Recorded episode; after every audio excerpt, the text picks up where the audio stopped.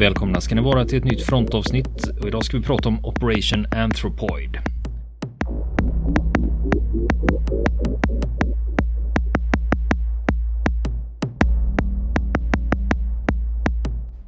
Ja, det är ju en, en ak- ständigt eh, aktuell Ja, historia. skrivits många böcker om det där och Ja. gjort filmer också.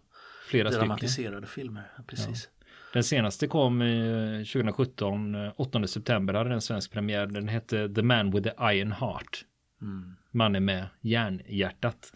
Och då handlar det inte om Ridda Kato från Mio min Mio. Han, Eh, hade, nej. han hade stenhjärta. Men du vet vem Precis. som spelar Ridda Kato i den svenska filmen? Heidrich? Nej, jag vet inte. Christopher Lee. Va? Ja, kan man inte tro. Det visste inte jag. Nej. Och han har vi ju haft uppe här. Ja. Vi har ju snackat om Christopher Lees eh, Det är äventyr vet, hans bravader där. Det hittade ni ju tidigare avsnitt av. Ja, så är det, allt hänger ihop. Ja, Eh, precis. Men den här The Man with Iron Heart, eh, det var ju en så kallad biopic. Det är ju det man kallar det. eh, En biografi över någon som skildrar den här personens liv. Just det. Och i det här fallet så handlar det om Reinhard Heydrich. Men Mm. eh, när det gäller Heydrich och hans öde, det finns ju flera filmer ute. Den Mm. mest kända, som är väl, väldigt välgjord också, ska jag säga, det är Operation Anthropoid som Mm. Kom häromåret. Och det handlar ju alltså om attentatet på Heidrich Ja. 1942 ska vi säga Ja. för de som inte... Ja, det är det så här, vi, ja, vi känner inte till historien om Heydrich och inte har sett de här filmerna så kommer vi att spoila en del nu. Ja, just Så det. att eh, när det med på det liksom. Men det är ju alltid så när det gäller historia. Mm. Att hur mycket kan man spoila egentligen? Vad fan, ja, Titanic sjönk på slutet. Ja, den gjorde det liksom. Men det är ju det med välgjorda dokumentärer och filmer och även hi- histori historieböcker. Att är de bara tillräckligt välgjorda så är det ruggigt spännande ändå, även om alla vet hur det slutar. Mm. Som nu på SVT Play ligger en dokumentärserie som heter The Vietnam War. Ja, det, är det. Mm. ju, det är ju amerikansk public service. Som ska, jag ska börja titta TBS. på snart. Gör det, det är Ken Burns som har Mm. gjort den. Och den är ju tio delar och det är, avsnitten är ungefär 50 minuter. Och även om man själv känner sig lite påläst på Vietnamkriget så finns det så mycket turer i det här kriget som jag inte hade en susning om. Och det betyder Mm. ju också att man kan alltid lära sig mer. Så även om man känner att men det, här, det finns alltid någon ny vinkel, någon ny, nytt sätt att angripa det här. Mm. Det. Och Ken Burns serie, där är det ju väldigt mycket politiken. Mm. Det är ju Kennedy Johnson och Nixon som, som hamnade i fokus där och eh, Ho Chi Minh då på Mm. andra sidan och även eh, berättelsen om Sydvietnam. Det. Så det finns alltid något att lära, man blir aldrig fullärd. Har du förresten, apropå det, har du sett filmen om, det är ju en, det är en gammal film vid det här laget, eh, Fog of War. Nej, Jag känner igen titeln. Ja, det är ju, handlar ju om Robert McNamara, försvarsministern, som, eh, och hans inblandning i upptrappningen i, Afghan, i, i, i Vietnam. Just det. och så vidare. Så mycket bra film. Ja. Så då kanske man kan göra en kombo där att man då ser Mm. både Fog of War då som handlar om McNamara och det var väl John Johnson. Det, Först var han väl Mm. Lyndon, försvarsminister ja. åt JFK Just det, och sen var han Så Lyndon B, försvarsminister ja. åt eh, Lyndon B Johnson. exakt. Ja, fick, med, fick, fick knöt Mm. in några filmtips. Och du var inne på attentatet där mot Heydrich och det är ju Mm. det som är det centrala i den Det här är ju det som är historien. Operation Anthropoid. Ja, precis. ska vara koncis här och, Ja, och pedagogisk. Men det här, Ja. och det är just det där när man har en bra story, du säger det, du har skrivit flera böcker, har gjort flera filmer. Och det är ju så här när du har en bra story, va? Då, då är det ju ingen ände på hur många filmer det blir av det. Mm. Nej. Redan 1943 kom den första filmen. Mm. Om attentatet. Den hette Hitlers Madman. Mm. Eh, av naturliga skäl inte inspelad i Prag. Sen, sen 1964 då kom det en tjeckisk film som heter Attentat. Mm. Med reservation för mitt eh, uttal då. Men eh, enligt flera experter så är det den filmen som ligger verkligheten närmast när det gäller platser och händelser. Mm. Och även om... För de hade ändrat sig så lite på den tiden, platserna. Så att, eh, Ja, ja, det var ju 20 år. precis. 22 Så år att, bara. Mm. Så- Idag har det ju hänt en del i Prag. Kan man. Ja, precis. Och jag kommer återkomma till eh, det Mm. faktiskt. Eh, men sen har vi också en annan film på samma tema som 1975 kom filmen Operation Daybreak. Och det är för mig en helt obegriplig titel för operationen hette ju Anthropoid men filmen heter Operation Daybreak. Jag har inte en aning om varför. Och den är väldigt snarlik filmen Anthropoid. Och Anthrop Operation Anthropoid kom ju 2016. Och, och man, de, de är så snarlika som man nästan skulle kunna säga att det är en remake. Fast eh, den nya är lite mer välgjord. Och sen har vi då eh, den här senaste filmen då, The Man with Iron Heart. Den dyker upp i andra länder, då har den en annan titel. HHHH. Det är fyra hån på Just det, raken. just det. Och det är en akronym, alltså en förkortning för det tyska uttrycket Himmlers Hirn heißt Heidrich. Alltså Himmlers hjärna heter Heidrich. Mm, det var ett eh, litet internt skämt på den tiden. Vanvördigt bakom. Ja. Men det, det, Heidrichs ligger en, det ligger substans i det här. Det var inte bara ett illvilligt rykte. Nej. Utan det, det uttrycket användes alltså. Det är ju, det är ju, eh, det, det var ju så att han var ju en allvarlig rival till Himmler. Han var ju Himmlers största, största potentiella hotet mot Himmlers maktställning då som SS-ledare. Mm. Och, eh, men det mm, kommer vi. Mm. Ska vi ta det vi, Mm. Vi, vilken ordning ska vi börja? i kronologin? Ja, Självklart, Reinhard Tristan Eugen Heydrich eh, Mm. var fullständigt namn, född 1904 i Halle. Och det var ju det som hamnade i gamla Östtyskland sen, Mm. Just då, det. så det är på östra precis. sidan. precis. Och hans pappa var operasångare. Mm. Och familjen, du bara nickar och instämmer, du kan Ja, ju det här. är Är, det väldigt, du som ska väldigt köra? musikalisk familj. ja, det är bara att fylla på med mer detaljer om jag har missat något. Ja. Och den här familjen, de var ju, de var ju rika och hade, låg- hade, var väldigt högt ansedda i kulturkretsar. Och hans pappa grundade Halles konservatorium för musik, teater och utbildning. Och hans mamma var Mm. pi- pianolärare där. Och Reinhardt själv han fick lära sig att spela fiol och det höll han Mm. på med även upp i vuxen ålder. Det gjorde han, precis. Och sen när han var ung så var han också framgångsrik i simning och fäktning. Senare när han var på, eh, kan man säga, i sina glansdagar, när han stod på höjden av sin makt eh, och var, var så att säga chef för nazistiska säkerhetspolisen så eh, träffade han sin eh, chefen för den militära underrättelsetjänsten som tillhörde hans bekantskapskrets. En man som hette Willem Canaris. Och de två brukade musicera ihop. Ibland på sina, sina We've got a små, band! ja, precis. Sina små eh, tebjudningar. När de träffades på helgerna. En iskall vänskap naturligtvis mellan de här. Men för att eh, de hade lite olika prioriteringar i livet. Den ena flörtade med motståndsrörelsen och den andra var en superlojal nazist. Mm. Eh, men eh, då plockades fiolen fram Mm. Ja, det är vid intressant. de tillfällena. Ja, han var ju född 1904 och sen efter första världskriget och var det oroligt i Tyskland och Heydrich, han var 15 år, då gick han med i en pa paramilitär frikår. Och i Halle vid den här tidpunkten så var det oroligt då. Det var strejker och bråk mellan kommunister och antikommunister. Och den frikåren som Heydrich var med i, den var högerextrem. Och han gick med i organisationen Deutsch Völkischer Schutz und Trutzbund. Som, Och den var uttalat nationalistisk och antisemitisk. Su- ja, superrasistisk. Redan Föregångare till, kan man säga, en av föregångarna till den här, ja, till nazismen skulle man Ja, precis, för det här är ju precis efter andra världskriget så eh, nazistpartiet Precis. är ju inte grundat Nej. ens en gång. Och sen kom ju depressionen då på 20-talet och det var, då blev det stora problem för familjen Heydrich. Och, för det var ju fattigt och då gjorde man så att man skickade inte sina barn till musikkonservatoriet i första hand utan då var det andra prioriteringar. Och det, Typ bröd. Ja, och det, och det, och det påverkar ju familjen Heydrich. Men 1922 då gick Heydrich in i flottan och då blev det i alla fall någon form av stabilitet och inkomst och på sikt även pension. Eh, Då var han 18 år och han blev kadett i Kiel och efter no- några år då så blev han löjtnant och signalofficer på slagskeppet Schleswig-Holstein och det var på den tiden tyska flottans stolthet. Just det. Det är Det 19 var, man hade bara två slagskepp kvar efter första världskriget då. Eh, som redan på den tiden var föråldrade. Det var Schleswig-Holstein och ett som heter Schlesien då. Schleswig-Holstein fick ju en betydelse sedan 39 då vid, vid eh, överfallet på Polen. Första skotten vid Westerplatte vid Danzig. Avfyrades från Eldorado. Men då var ju Heydrich ute ur bilden sedan länge. Ja, han var inte ombord på det fartyget Nej. då vid den tidpunkten. Precis, men det var de enda två slagskeppen som Tyskland hade kvar. För mig det finns en polsk film som heter som handlar Mm. det gör om de här händelserna. Får ni googla. Mm. Det är mycket filmtips här nu. Ja, hit och dit. ja, precis. Mm. Eh, sen om vi då tänker på, han var ju kadett Mm. och senare löjtnant och eh, han, privat så var han känd för sina kvinnoäventyr. Och det var också det som ställde till det för honom när det gällde just hans karriär i flottan. Mm. För han hade 1928 blivit, blivit befordrad till överlöjtnant. Mm. Men 1930 i december då är han på en bal och träffar en kvinna som heter Lina von Osten. Och de blir förälskade och går ut och meddelar att de förlovat sig. Då är det problem. För Heidrich har redan lovat en annan tjej att de ska förlova sig. Mm. Så det blir så illa att en amiral slänger ut Heidrich ur flottan eftersom hans uppförande inte passar en officer och en gentleman. För att lova en tjej att de ska förlova sig och sen gå och förlova sig med en annan, det var inget lämpligt uppträdande för en tysk officer vid den här tidpunkten. Nej, precis. Precis.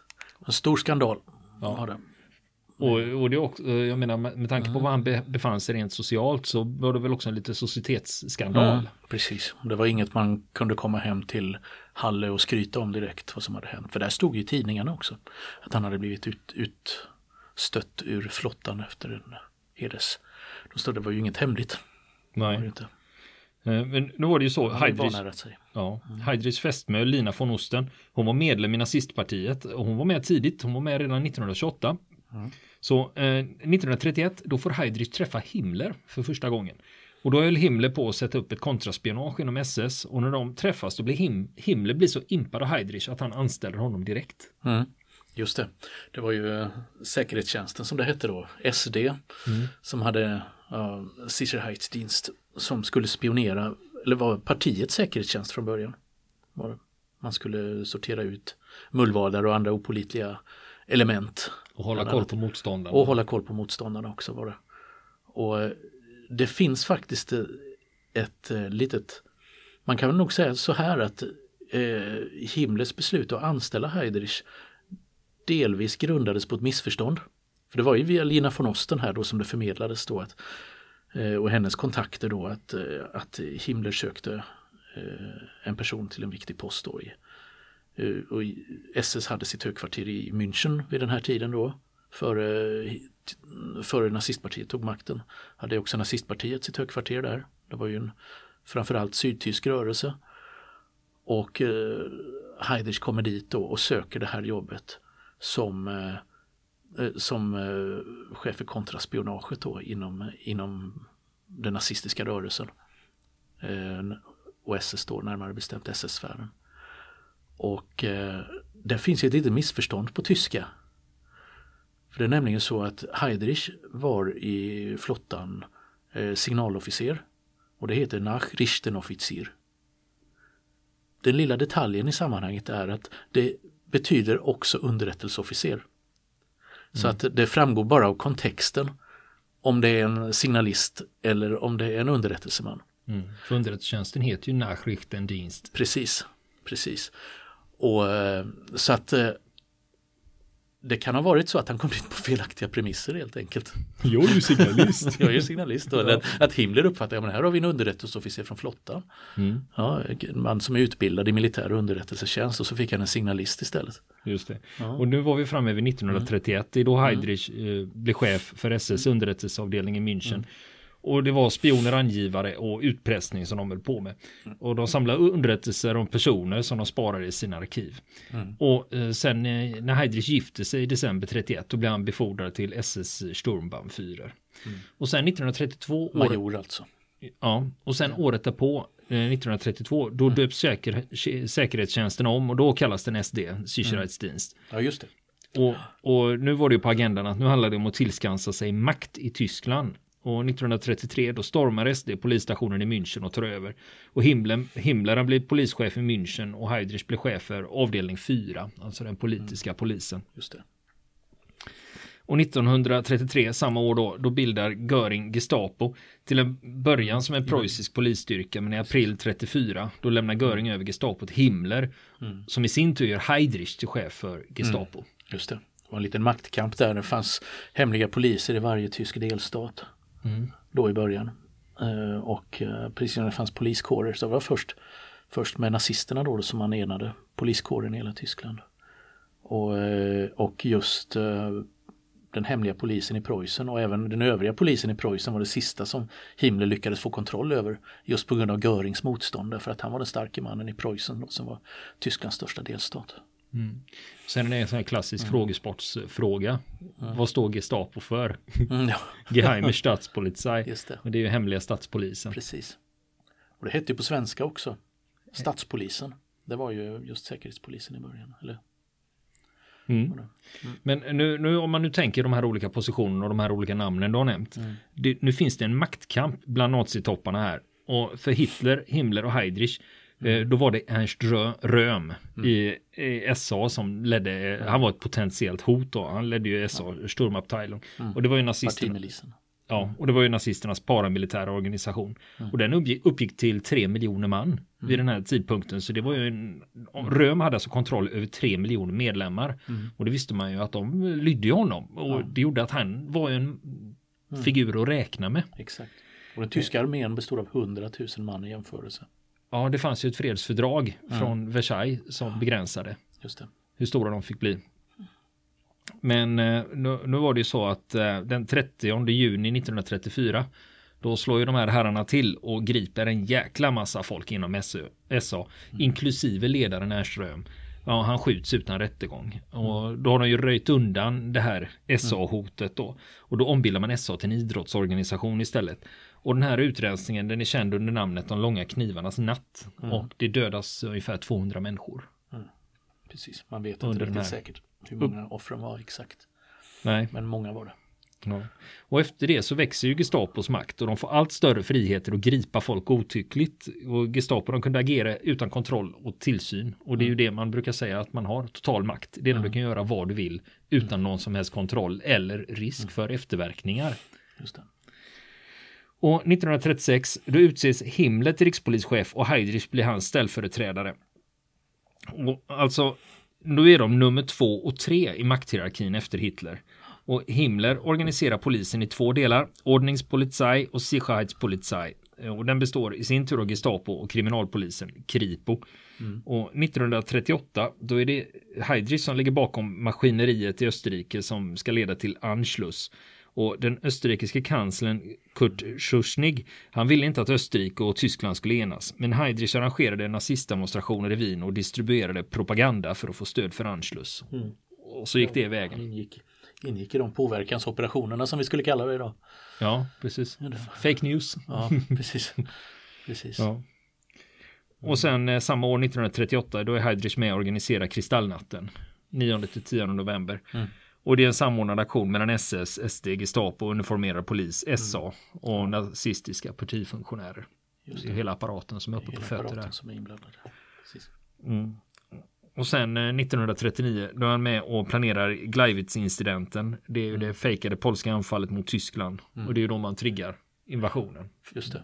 Just det. Man valde september koncentrationslägerfångar och klädde dem i polska uniformer som man hade fått tag någonstans. Mm. Ifrån. Ja, finns ju det begreppet false flag attack. Just det. Så det är inte ovanligt att man använder sig av det när man ska inleda fientligheter mot något annat land.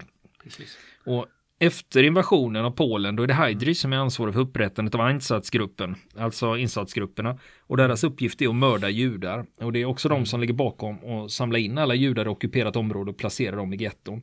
Men ibland så lägger sig Heydrich i detaljer. För han såg till att skydda vissa judar, som till exempel Paul Sommer som var tysk mästare i fäktning på 30-talet. Han skyddade också polska landslaget i fäktning, för de hade varit med i Berlin-OS, så han kände dem sedan dess. Mm. Han var ju själv fäktare. Ja, var det? Simning och fäktning var det han hade hållit på med. Just det. Men sen 1939, då är Heydrich med och planerar transporterna av judar till koncentrationslägren.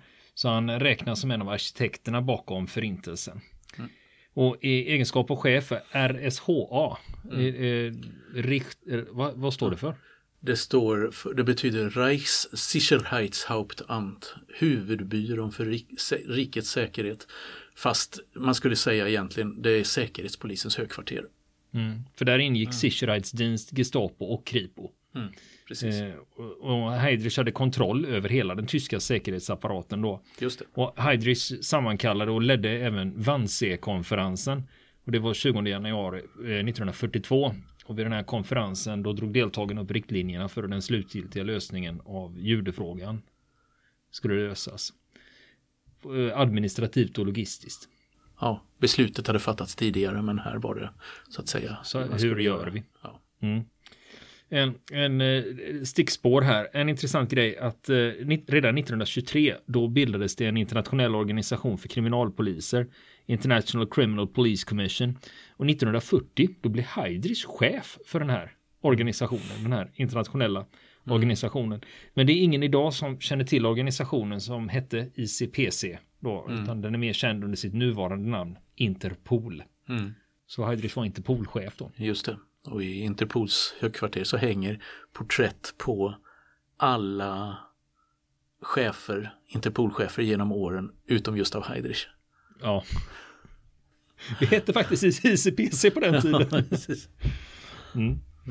Eh, sen, eh, du, du har redan varit inne på det här, men det fanns en intressant grej som skilde Heidrich från Himmler. För Himmler han syntes gärna offentligt och finns med på mängder av fotografier. Men Heidrich han föredrog att hålla sig i bakgrunden och hålla i trådarna därifrån. Och det är också därför den här förkortningen vi diskuterade förut, eh, HHHH, att den existerar.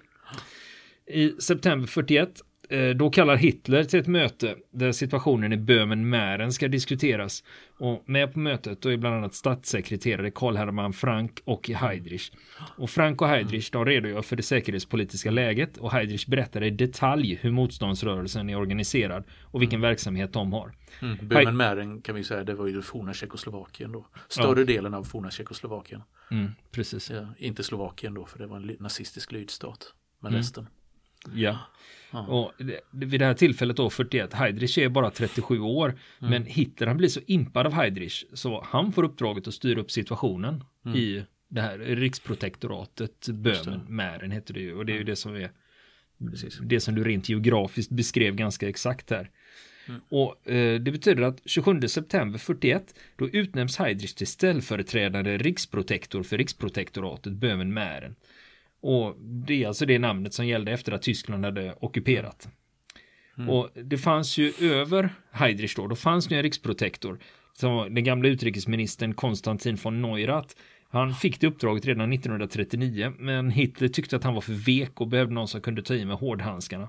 Ja. Men i formell mening så var ju Heidrich biträdande riksprotektor med ansvar för säkerheten, men i praktiken så var det han som styrde och ställde. Just det. Och eftersom han fått uppdrag direkt av Hitler så behövde han inte rapportera till Himmler längre, utan nu var det direktkontakt med fyren. Mm. Och det betyder ju att man har en helt annan position i Ja. makthierarkin. Får du access till högsta Rakt- chefen så stiger i- din status. Precis. du? Ja, får du direktaccess till hö- högsta chefen så stiger din status Ja, och makt. precis. Mm. Och eh, när Heidrich väl kommer till Prag, som är, det är ju idag är det huvudstad i Tjeckien och det var också huvudstad då. Eh, det är att han deklarerar att sabotage eller motstånd det leder direkt till dödsstraff och målet är då att kväsa motståndsrörelsen och hålla liv i den viktiga industrin. För Tjeckoslovakien var en viktig industrination. Bland annat hade man ju nationaliserat Skodaverken och de ingick nu mer i Hermann, Hermann Göring-verken. Reichswerke Hermann Göring. Och bas på plats för de eh, det var ju bland annat Albert Göring, Hermans bror som var där. Han hade ju en, eh, han var ju inte högsta hönset, men han hade ju en ganska hög position eh, på Skådaverken då. Hans tjänst var exportdirektör. Och han har vi pratat om förut, om Albert Göring. Eh, bland annat har ju du recenserat boken Bröderna Göring. Ja, jag har skrivit om Albert Göring också, jag har gjort i boken om Hermann Göring som jag skrev för några år sedan. Ja, Svarta fåret i familjen, ja. Ja, nu- fast den vettigaste. ja. I vår, med våra ögon han, han stod ju inte, alltså, han, han, han och hans bror hade ju ganska Mm. olika ingångar Precis. i Precis. hur man såg på det här med människor och nazism Ja, till exempel. precis. Ja. Eh, eh, bland- jag har läst att han bland annat eh, kunde, att Albert Göring bland annat kunde skicka lastbilar till koncentrationsläger med orden att de behövde arbetskraft till Skådaverken och sen körde man ut fångarna i isolerade områden och släppte dem. Ja, Är det något du känner igen eller? ja inte, inte så drastiskt men eh, jag vet att han, eh, han arbetade hårt för att få personer frigivna ur, eh, ur lägren då och då utnyttjade han sin måttligt roade bror Mm. för att åstadkomma detta. Mm. Det, det stämmer. Och han rörde sig då i mer oppositionella kretsar då. Ja, Oppositionella mot Hitler-Tyskland. ja. Ja. Jag har sett en uppgift att han skulle ha kontakt med motståndsrörelsen också. Ja, Stämmer det eller är det liksom man säger oppositionella eller hur? ja, ja, han hade i alla fall kontakt med oppositionella mot nazismen kan man ju säga. Eh, om han ingick i motståndsrörelsen, det försökte han väl påskina efter kriget att han gjorde men det fanns ju inte eh, någon direkt som kunde bekräfta det här för de flesta nyckelpersoner blev ju avrättade. Mm. Så att, eh, och det var för övrigt inga av de allierade som förhörde honom som trodde på vad han sa. När han, när han uppgav att han hade räddat, räddat judar och andra fångar ur koncentrationslägren och att han hade motarbetat systemet på de sätt han kunde utan man tyckte att ja, men det säger alla idag. Mm. Men jag har hört att han gick fri. Ja, han blev inte straffad för någonting. Men han dog sen som en, ändå som en utfattig man eh, på 60-talet i München. Just det. Men eh, det finns en, en mm. anekdot om just det här. När han är döende, då är han 71 år gammal och det var mm. 60-talet, 1966. Att eh, en vecka innan han dör, då gifter han sig med sin hushållerska som tack för lång och trogen tjänst. För han fick ju pension från tyska staten och om de gifte sig så skulle hon få änkepension vid hans död. Just det. Annars mm. eh, skulle hans pension frusit inne, för han var nämligen frånskild. Han hade tre äktenskap bakom sig. Just det. Orolig själ. Mm. På många sätt. Just ja, det. precis. Eh, sen är det där med Skodaverken. De var ju viktiga för den tyska krigsindustrin. Det var ju fordon, kanoner och stridsvagnar bland annat. Och kanonerna från Skoda, de har vi pratat om i frontavsnittet när vi pratade om batteriet i Markov. Och vill man mm. se en Skoda-kanon på 21 cm så finns det ju en på Beredskapsmuseet i Djuramossa mm. i Skåne. Just det. Vi använder ju även tjeckiska stridsvagnar i Sverige. Mm. Gjorde vi. 38 tons vagnen då. Ja. 38 T.